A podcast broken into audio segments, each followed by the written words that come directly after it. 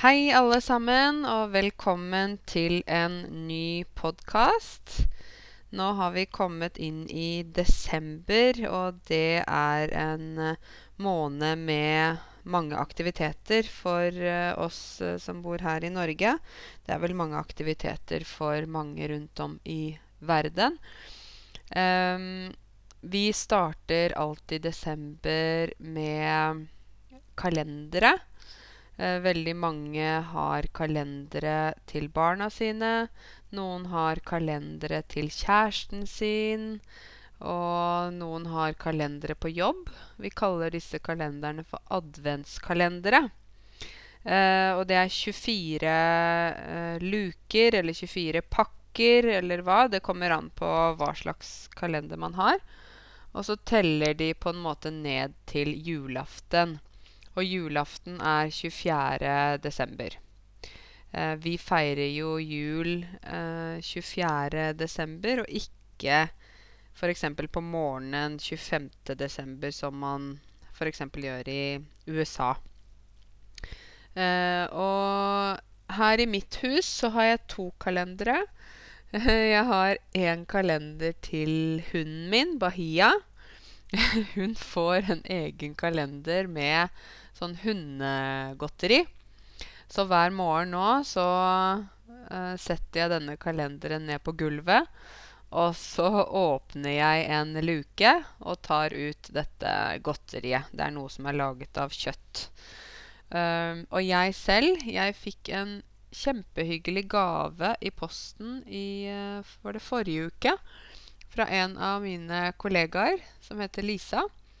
Og hun sendte meg rett og slett en uh, te-adventskalender. En tekalender. Så jeg har en kalender som henger på kjøkkenet mitt med 24 forskjellige teposer. Så jeg drikker én kopp te hver kveld, og alle disse teene er forskjellige. Så det var en veldig hyggelig overraskelse. Eh, og jeg vet jo nå at det er mange familier eh, der foreldrene har laget eh, eh jule, altså sånn adventskalender til barna sine. Eh, noen ganger så har barna bare sånn kalender med sjokolade. Og andre ganger så har eh, foreldrene laget en adventskalender med gaver. Hvor de åpner hver dag. Og hvis det f.eks. er to søsken, så kan det hende at de har annenhver dag. For det blir jo ganske dyrt når man skal kjøpe masse små ting. Um, jeg syns jo dette med adventskalender er litt sånn morsomt. Uh, men jeg tenker at uh, det trenger jo ikke være dyrt. Jeg hadde uh, Jeg så f.eks. at kusina mi, hun har to sønner som er syv og fire år. Og de hadde laget kalender til, eh, til mammaen sin, altså min kusine. Rett og slett bare med Post-Its, altså sånne gule lapper. Opp på veggen 24 lapper. Og bak på lappene så står det noe hyggelig om eh, min kusine, som de har sagt. Så da har pappaen skrevet eh, disse her hyggelige ordene til, eh, til sønnene deres på lappene og hengt opp på veggen. Så hver dag så går hun og tar ned en sånn Post-It-lapp, og, og, så leser hun. Så jeg så det at uh, i dag så fikk jeg et bilde, og da hadde hun fått uh, en kommentar på luke nummer tre, 3. desember, og da sto det 'Du er verdens peneste mamma'. Så da har disse to sønnene hennes uh, rett og slett skrevet opp uh, hva de synes om mamma. Og hun er verdens peneste. Så det er jo veldig hyggelig da, for min kusine å starte dagen sånn. Um, jeg syns jo sånn i desember så er det veldig mange tradisjoner som vi nordmenn har. Um, nordmenn er jo litt sånn forskjellige i forhold til om de er religiøse eller ikke. Um, mange av nordmennene er ikke religiøse, er ikke kanskje kristne, men de er mer eh, opptatt av tradisjoner.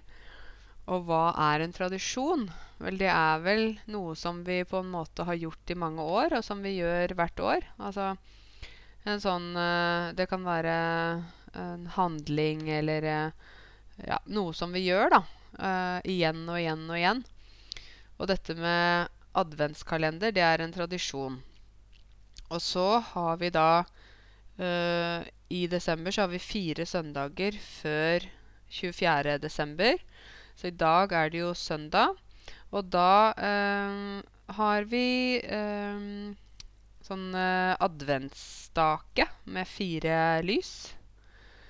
Og så tenner vi da ett lys, og så leser vi f.eks. et vers. Eh, eller så synger vi en sang. De er litt forskjellig fra eh, familie til familie, da. Men det er litt sånn forskjellig hva, hva man eh, velger å gjøre. Eh, og veldig ofte så er disse lysene lilla, men ikke alle har de som lilla. Det er vel mer kanskje de som er eh, mer religiøse, som har lilla lys. Som lilla som i eh, adventsfargen, fargen om håp. Um, men uh, alle Nesten alle hjem har sånne adventsstaker hjemme. Hvor de da tenner ett lys denne søndagen. Og så neste søndag så tenner de, ett, da, da tenner de på to lys. For da er det to søndager. Og så tre søndager og fire søndager. Så det fjerde lyset, det har da ikke brent ned så mye som det første lyset. Um, og i tillegg så er det jo uh, viktig kanskje for barna å, å, få oppleve noe av det som er tradisjonene som vi har. Det er jo en del barneskoler hvor uh, skolen er opptatt av å vise norske tradisjoner. Hvor de f.eks. tenner lys da nå på mandag. Så tenner de kanskje det første lyset i klassen. Og da er det eh, et sånn sånn dikt som er skrevet av Inger Hagerup. Hun er jo en var en veldig, veldig kjent norsk dikter. Inger Hagerup. Hun har skrevet mange dikt for barn.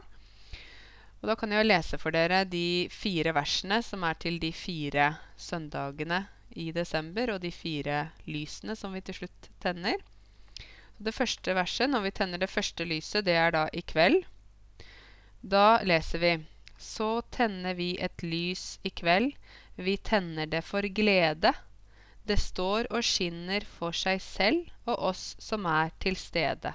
Så tenner vi et lys i kveld, vi tenner det for glede. Og neste søndag, da leser vi et nytt vers. Da er det sånn. Så tenner vi to lys i kveld, to lys for håp og glede. De står og skinner for seg selv og oss som er til stede. Så tenner vi to lys i kveld, to lys for håp og glede. Og så er det den tredje søndagen i advent. Det er 17. desember. Så tenner vi tre lys i kveld for lengsel, håp og glede.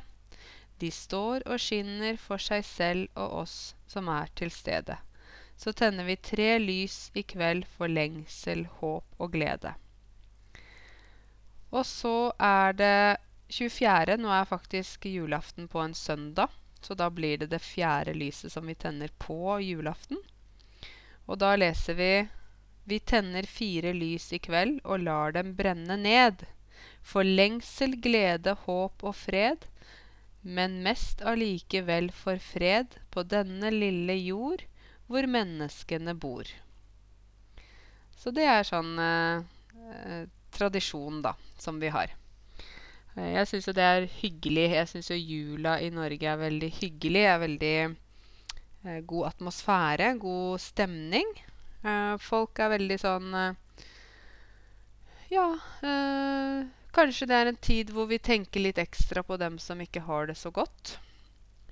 Og så er vi mye sammen med venner og familie og gjør litt forskjellige aktiviteter. Jeg var jo i dag på julemarked. Jeg vet ikke om, om dere husker at jeg snakket om min venninne Mari som eh, lager julekranser, sånne som man henger på døra.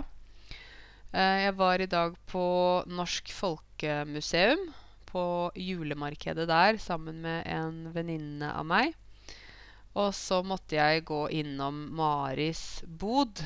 Bod, det er da ikke bod som man har i huset der man putter alle mulige ekstra ting, men når vi snakker om bod på et marked, så er det da um, f.eks. at uh, en, persto, en person står og selger frukt.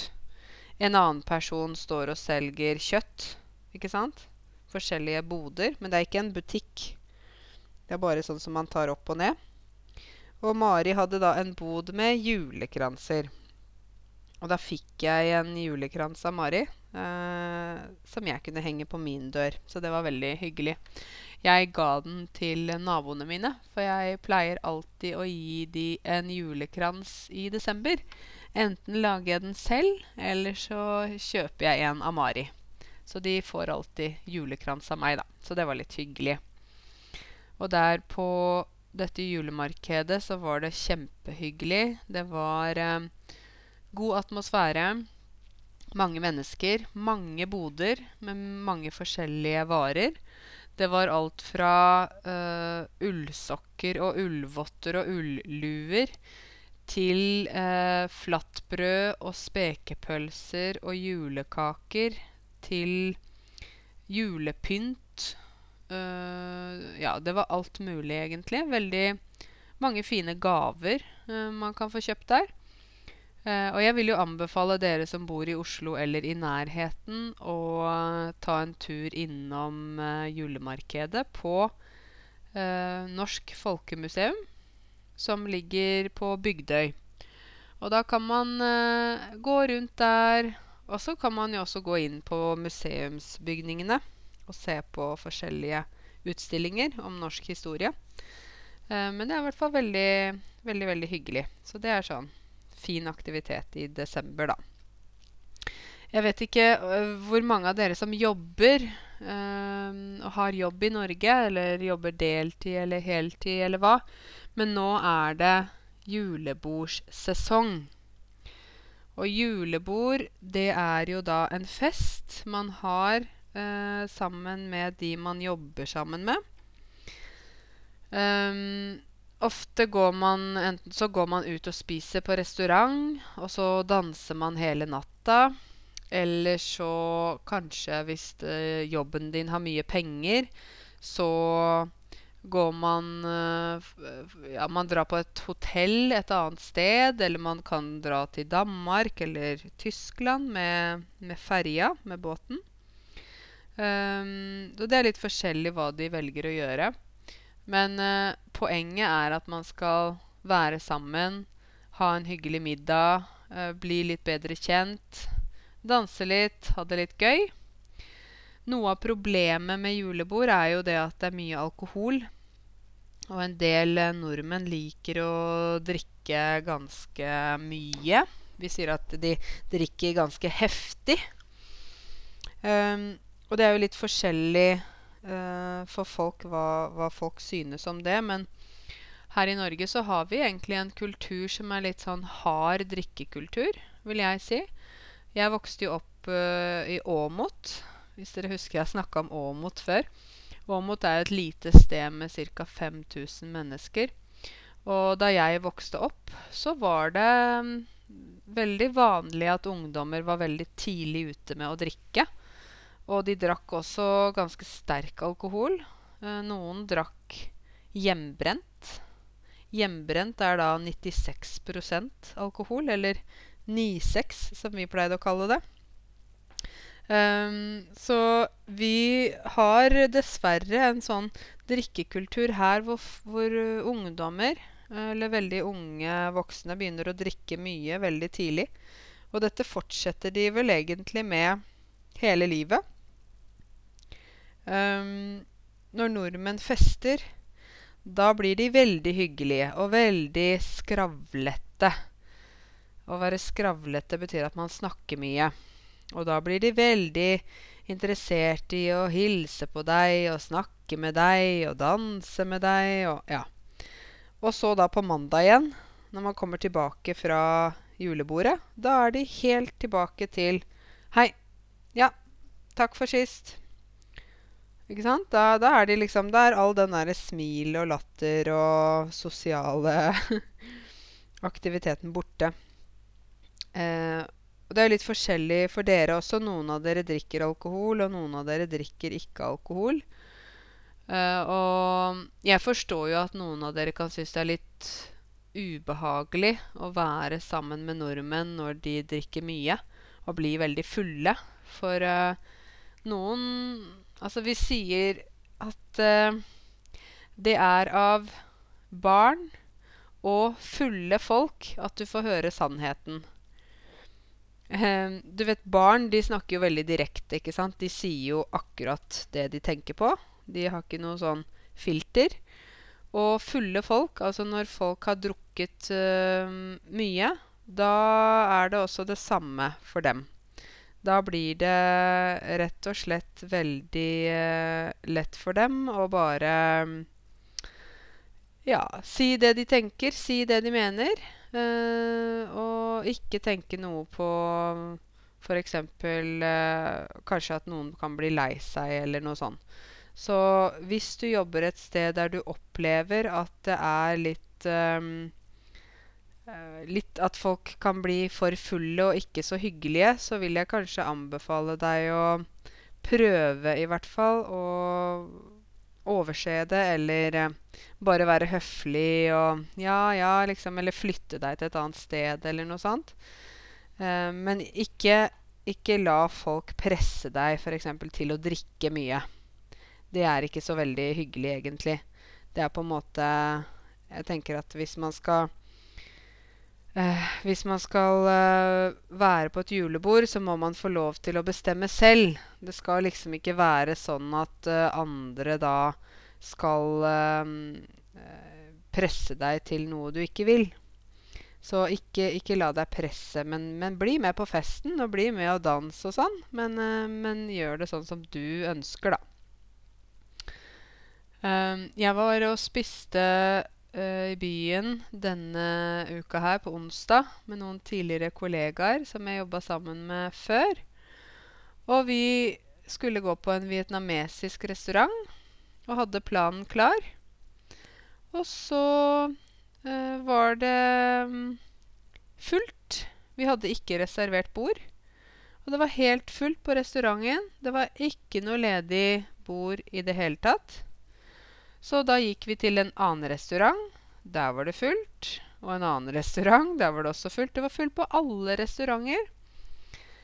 Men til slutt så fant vi en thai-restaurant eh, der, der, de selger thaimat. Som heter Tuk Tuk Thai. Tuk Tuk er jo en av de der små bilene, eller motorsykkelbilene, som de kjører i Thailand. Så da fikk vi bord der. Da var det akkurat bare ett bord til eh, oss fire. Så da fikk vi satt oss ned der og spist thaimat. Så det, det, er jo ikke det samme som vietnamesisk mat, men det er jo litt lignende. Da spiste jeg sånn uh, red curry uh, med ris og, og sånn. Det var veldig godt. Men jeg syns det er litt sånn viktig og litt hyggelig å holde kontakten med kollegaer, da. Jeg syns det er veldig fint å selv om man kanskje har slutta på en arbeidsplass, så kan man jo holde kontakten allikevel. Man kan jo utvikle et slags vennskap eller eh, bekjentskap eller eh, Ja.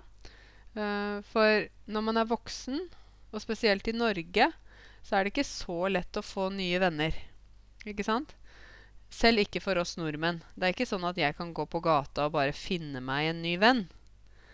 Nei, jeg må ha noen relasjon til den personen. Jeg må kjenne den personen fra et eller annet sted. Uh, og det, det, er på en måte litt vanskelig, da. Det er vanskelig også for oss nordmenn å få nye venner. Rett og slett. Så um, jeg uh, tenker jo det at hvis man kan uh, utvikle vennskap med noen kollegaer, så er jo det veldig fint. Og samtidig så har man jo noen ting til felles. Å ha noe til felles betyr at man har kanskje samme interesser. Fordi man jobber jo på samme sted. Så da har man jo på en måte i hvert fall jobben som noe som er felles, da. Så hvis du har kollega på jobb, eller hvis du har sluttet i en jobb og hadde god kontakt med kollegaene dine, så kan det jo være hyggelig å invitere på en middag eller uh, gå ut og spise sammen. Hvorfor ikke? Um, ja. I dag er det jo søndag, og hver søndag så um, lager jeg disse podkastene. Uh, jeg må jo tenke litt sånn på hva jeg har gjort denne uka, for å prøve å fortelle dere litt om det er jo bare mitt hverdagsliv. Det er jo ikke så spennende. Men, uh, men jeg hadde en uh, I går gikk jeg på en tur sammen med en god venninne av meg eh, som heter Amna. Og hun er norsk-pakistaner. Det betyr at hun, hun, er født i Norge, men hun, hun, definerer seg selv både som norsk og som pakistaner. Um, og hun har laget en organisasjon som heter Diapraksis. Og Amna hun er utdannet lærer som meg. Og denne organisasjonen Diapraksis som hun har, det er en organisasjon der hun prøver å jobbe med eh, folk fra det norsk-pakistanske miljøet. Og også andre, selvfølgelig. Eh, å jobbe mot tvangsekteskap. Altså prøve å stoppe tvangsekteskap. Altså når noen er i et tvangsekteskap, så betyr det at de har blitt giftet bort inn i et ekteskap som de ikke vil være i. Og et ekteskap betyr jo mann og kone som er gift, ikke sant? To personer som er gift. Uh, og her i Norge så skjer det dessverre hvert år at det er noen som blir giftet bort mot sin vilje. Så det betyr at de ikke vil gifte seg med denne personen, men foreldrene presser uh, barnet sitt til å gifte seg. Og det er jo veldig trist. Og det er noe som skjer i en del kulturer. Og min venninne Amna, eh, de jobber jo da for å prøve å eh, stoppe dette her. Det er veldig vanskelig å stoppe, men i hvert fall prøve å informere folk, opplyse folk om hva tvangsekteskap er, og hva det gjør med en person, og at det ikke er lov i Norge. Det er ikke lov å tvinge noen til å gifte seg med noen de ikke elsker. Så det å tvinge Å tvinge, det betyr at en person sier nei, men du sier jo, du må gjøre det. Og så sier jeg nei, og så bare gjør de det. Det er å tvinge noen til noe. Så i går gikk jeg og Amna en lang tur. Da gikk vi ei mil, altså ti kilometer. Um, og hun fortalte meg da at hun nettopp hadde kommet tilbake fra Pakistan, der hun hadde møtt uh, flere folk der nede. Um, hun hadde snakket med kvinner som er i vanskelige situasjoner. Uh, hun hadde snakket med forskjellige folk som jobber i departementene der i Pakistan. Og hadde også kontakt med ambassaden der nede. Og de kunne fortelle at det faktisk er ganske mange, ikke sånn alle selvfølgelig, men det er en del som er um, gift med f.eks. to koner, tre koner. Eller, no, eller, mange som er tvangsgifta. Og så har de kanskje en ekstra kjæreste. Vi har fortalt om mange sånne ting som jeg vil kalle litt galskap. da. Og, og, hun sa det at det skjer i Norge hvert år at jenter og gutter blir giftet bort mot sin egen vilje. Og jeg tenker at sånne ting bør ikke skje i et land som Norge, da, som skal være et demokrati, som skal være et trygt og fredelig land for alle. Og Jeg tenker at vi kan ikke ha uh, sånne ting som skjer her. Men det skjer i det skjulte. Og det som er skjult, betyr da det som vi ikke ser. Og det er det som på en måte skjer. Uh, og det er veldig vanskelig å oppdage. Det er vanskelig å stoppe. Så jeg tror at det viktigste man kan gjøre, sånn som min venninne også sier, er at man kan prøve å informere folk, opplyse folk, slik at de vet mer om problematikken. Sånn at uh, folk kan være våkne, ikke sant? Og ikke bare tenke at nei, det skjer ikke her i Norge, og det er ikke noe problem her. Fordi det er faktisk et problem over hele verden, inkludert Norge. Så, men det er så kult å ha sånne venner som eh, er så engasjerte, og som jobber med viktige saker, da. Jeg har flere venner som jobber med mange viktige saker, og så, jeg er så stolt av dem. Det er veldig fint. Uh, jeg har også en kompis. Kompis, det betyr da en venn som er en mann. Jeg har en kompis som uh, heter Øystein, og han jobber med ungdommer. Og han jobber med ungdommer som uh, er i fare for å komme i, vi kan si på feil vei i livet, da. Og han sier det at det viktigste som, som vi gjør når vi jobber med disse ungdommene, er at vi snakker med dem. Jeg tror det er veldig viktig å snakke med barn og snakke med ungdommer. Uh, og at ungdommene føler at de har noen som de kan uh, gå til hvis ting blir vanskelig. Og at man ikke bare skal disiplinere dem eller ha regler for dem, men man skal også snakke med, med ungdommene. Snakke med, altså Foreldre må snakke med barna sine. Her i Norge så har vi en ganske åpen dialog. Uh, veldig mange av oss, da. Uh, og det er så fint, uh, for da kan, du, altså, da kan du gå til foreldrene dine med ting du tenker på, og problemer du har, uten at foreldrene skal bli sinte av den grunn. Så jeg husker da jeg var ungdom, og da jeg vokste opp, så sa alltid foreldrene mine til meg Hvis det er noe du tenker på, Karense, da vil vi heller at du sier det til oss, enn at du skal gå rundt og tenke på det og være redd og stressa sånn alene. Da er det bedre at du snakker med oss. Så det tenker jeg er veldig fint, da, hvis foreldre kan klare det. Så dere der ute som har barn, tenk på det at uh, det å snakke med barna sine har uh, uh, veldig viktig funksjon for hvordan barna får det videre i livet, egentlig. Uh, når, det, når, jeg snakker litt om barn, så må jeg nesten snakke om uh, oktoberbarna. Jeg vet ikke om dere har fulgt med på nyhetene. Men det har jo vært mye diskusjon uh, i Stortinget i forhold til det at regjeringen sender tilbake barn fra Norge til Afghanistan. Altså unge, unge mindreårige, altså enslige mindreårige. Uh, enslig mindreårig betyr en mindreårig er en, et barn som ikke er 18. Og så enslig betyr at den personen er alene i Norge uten familie, uten foreldre. Og det har vært et sak nå i oktober med Oktoberbarna, der det har vært store protester utenfor Stortinget. Uh, folk protesterer fordi regjeringen vil da sende ut uh, enslige mindreårige, eller de som også nettopp har blitt 18 år, vil de bare sende tilbake til Afghanistan fordi de mener at Kabul, som er hovedstaden i Afghanistan, en, de mener at dette er nå en trygg by, og at uh, der kan man bo. De trenger ikke være her. Og så er det da store diskusjoner om dette her, fordi eh, selv om det ikke er krig i Afghanistan nå, så er det jo fortsatt eh, veldig mye uro. Uro betyr at det ikke er rolig.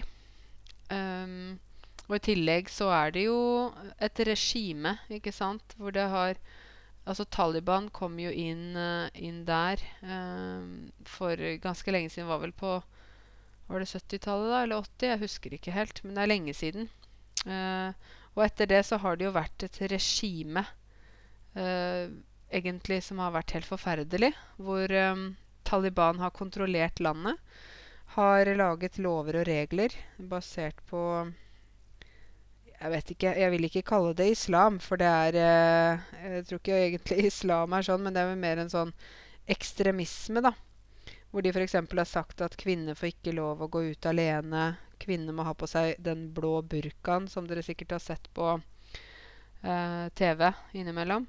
Og når et land har vært kontrollert av eh, Taliban så lenge, så er det ikke sånn at landet bare er ok på en veldig kort stund. Det er faktisk veldig komplisert å, å reparere og bygge opp et land igjen til å, til å bli et fritt land. Det er en veldig lang vei å gå. Så nå så er saken vel det at disse oktoberbarna, uh, som de sa De sa at de som er fylt 18 i oktober, de må sendes ut. Nå får de bli. For det har vært store diskusjoner på Stortinget. Og det er jo faktisk sånn at uh, barn som har sittet på asylmottak, som har fått avslag, altså at de må reise tilbake til hjemlandet sitt, de bare forsvinner. De rømmer fra asylmottaket. Å rømme betyr at man løper vekk fra noe, ikke sant?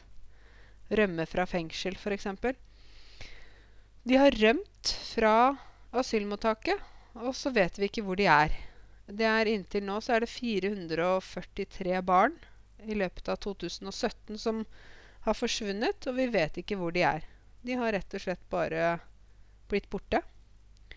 Og da er det ikke noe som myndighetene her i Norge kan gjøre med det. Eh, de har valgt å reise. Men det er jo bekymringsfullt at det er barn som løper rundt, eller som bor på skjulte steder her i Norge som ikke får den hjelpen de trenger, da. De går vel da ikke på skole. Um, de er ikke registrert noe sted. De, kanskje de oppholder seg i Norge, eller kanskje de er i andre land. Så det jeg tenker at det er veldig alvorlig at man uh, sier sånt om barn. da, At man faktisk kan sende barn ut av landet. Altså jeg tenker Barn er jo uskyldige. De har jo ikke bedt om å være i en sånn situasjon. Uh, og om foreldrene har uh, tatt de med hit, og om foreldrene får avslag, så, så, er det jo ikke barna som har bedt om å flykte eller komme til, uh, til Norge, da. Så jeg syns at uh, politikken som vi har i forhold til asylsøkere her i Norge, den er Nå som vi har Frp og Høyre i regjering, så syns jeg at den politikken er iskald. Du kan tenke deg selv hva iskald betyr. Jeg synes det er en iskald politikk. Altså hvor man kanskje ikke tenker på menneskene og deres behov, men man bare lager regler og sier nei, sånn er det. De kan ikke være her. De må bare sendes ut. Som, hva som skjer med de når de kommer ut av Norge, det er ikke vår business. Ut med dem. Og jeg tenker at det er noe Ja, jeg syns det er veldig trist, da. Um, og jeg er litt bekymret for utviklingen i uh, Norge. Um, det er jo nå Jeg var ikke glad for at uh, Frp og Høyre vant valget. Jeg er ikke på den siden i politikken. Jeg er på den andre siden. Uh, på rød-grønn side. Rød-grønn betyr da f.eks.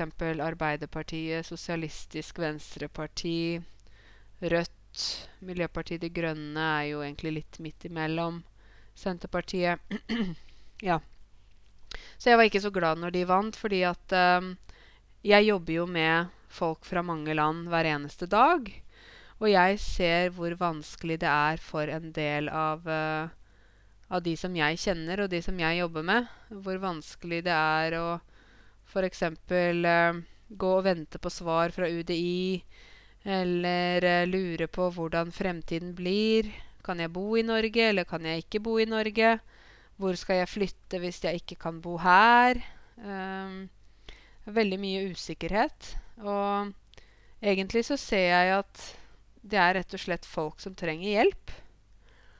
Og jeg syns at uh, Jeg mener da at, uh, at vi må i hvert fall ta vare på de som har kommet til Norge, som har kommet fra krig og øh, vanskelige politiske situasjoner. Slik at øh, vi kan ta dem imot her. Fordi jeg tenker på meg selv, da. Hvis jeg hadde flyktet til et land La oss si det var krig i Norge. Og så hadde jeg flyktet til et land, og så møtte jeg stengte dører. Ikke sant? Ingen ville ha meg. Altså, jeg Hadde flyktet fra krig, fra bomber, fra eh, liksom Jeg hadde kjempet for mitt eget liv. Og så kommer jeg da til et land som bare stenger døra for meg og ikke vil ha meg der. Ikke vil hjelpe meg. Så jeg syns jo at det er veldig forferdelig, egentlig, da. For man må jo tenke litt sånn Dette med å være et medmenneske. Å være medmenneske betyr at man tenker på andre. Ikke bare tenke på seg selv. Ikke bare være egoist, men også tenke på hvordan andre folk har det. Så um, Jeg vet ikke hvordan det skal gå, men i hvert fall med disse oktoberbarna så, så ser jeg nå at det virker som at de uh, snur litt på det, og at det nå blir sånn at de får lov til å bli i Norge, da. De får lov til å være her, rett og slett. Um, når det er sagt, så må jeg snakke litt om denne metoo-kampanjen. Dere har sikkert sett det overalt på sosiale medier og i nyhetene og aviser osv. Det er metoo. Det er jo nå blitt over hele verden hvor det er fokus på øh, kvinner som har opplevd seksuell trakassering, og at det er mye av det. Uh, jeg vil jo si at sånn i et land som Norge, der vi har likestilling, uh, ganske bra likestilling Jeg sier ikke at den er perfekt, men jeg sier at likestillingen her er ganske bra. Så er det allikevel kvinner, og kanskje også noen menn, som opplever uh, at de, de, ikke blir helt 100 respektert. Um, og at de kan oppleve uh, slibrige kommentarer. Slibrige kommentarer betyr kommentarer som ikke er Altså som ikke er med respekt, da. Man kan si ting ikke sant, om kroppen til andre, eller være litt sånn ja, ikke så hyggelig, rett og slett. Um, og at det er flere som opplevd slibrige kommentarer fra andre og sånn. Og det, jeg syns jo bare det at det er veldig viktig at vi får fokus på, på at det ikke er greit, og at uh, vi må behandle hverandre med respekt alle sammen. Og om det handler om uh, seksuell trakassering, eller om det handler om diskriminering, eller om det handler om rasisme. Altså Så er vi alle mennesker, og det er jo noe av det vi er opptatt av i Norge. At vi, vi skal alle ha like rettigheter. Og det, det har vi uansett om vi er damer eller menn. Om vi er uh, lyse i huden eller mørke i huden. Om vi har uh, svarte øyne eller blå øyne. Om vi er utdannet lege, eller om vi jobber på en butikk, altså om vi er muslimer eller hinduer eller ateister altså Alt dette her Alt i alt så er vi alle mennesker, da. Og um, jeg syns det at uh, det å behandle folk med respekt, og behandle hverandre med respekt, det syns jeg er utrolig viktig. Og hvis ikke folk kan klare det, hvis man ikke kan klare å respektere andre, da har man et stort problem. Og da vil man få veldig mye problemer i Norge, i hvert fall. For her er det jo egentlig sånn at så lenge du kan leve side om side med naboen din, og jobbe med kollegaene dine som da er forskjellige fra deg, så lenge du klarer å behandle folk med respekt, så kan det gå veldig fint å bo i Norge. Men i det øyeblikket du begynner å diskriminere og begynner å Uh, være hva vi kaller for en drittsekk. en drittsekk er jo en sekk av dritt. Ja, å være drittsekk, da er du skikkelig kjip.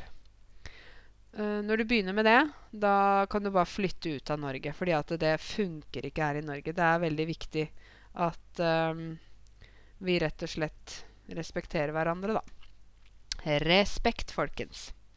Uh, Jeg vil bare fortelle litt sånn uh, til slutt, da. I morgen så er det norskprøver der jeg jobber.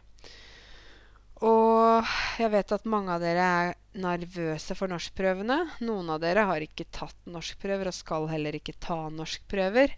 Men jeg bare tenker på alle de skal, som skal ta det, og som er nervøse og stressa for den prøva. jeg bare håper at dere bare prøver å slappe av litt også, og tenke at eh, det nivået jeg er på nå, det er det nivået jeg har. Du kan ikke gjøre noe sånn magisk nå i dag eller i morgen eller de kommende dagene. Du er på det nivået du er på nå, så må du jo bare gjøre så godt du kan. Vi sier jo i Norge her at eh, gjør så godt du kan. Og hvis du har gjort så godt du kan, da kan du ikke gjøre det bedre. Da har du på en måte gjort det komplett, da. Så mm, dere som skal ha norskprøver, jeg ønsker dere masse lykke til. Dere som ikke skal ha norskprøver, jeg ønsker dere eh, også en fin uke. Det ønsker jeg til alle sammen. Så håper jeg at dere tar vare på hverandre og har en fin desember. Prøv å gjøre noen aktiviteter i desember som er hyggelig. Gå på noen julekonserter, gå på julemarkeder.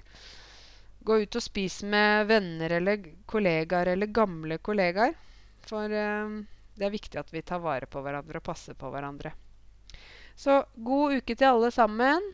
Og takk for at uh, dere hørte på podkasten min. Ha det bra.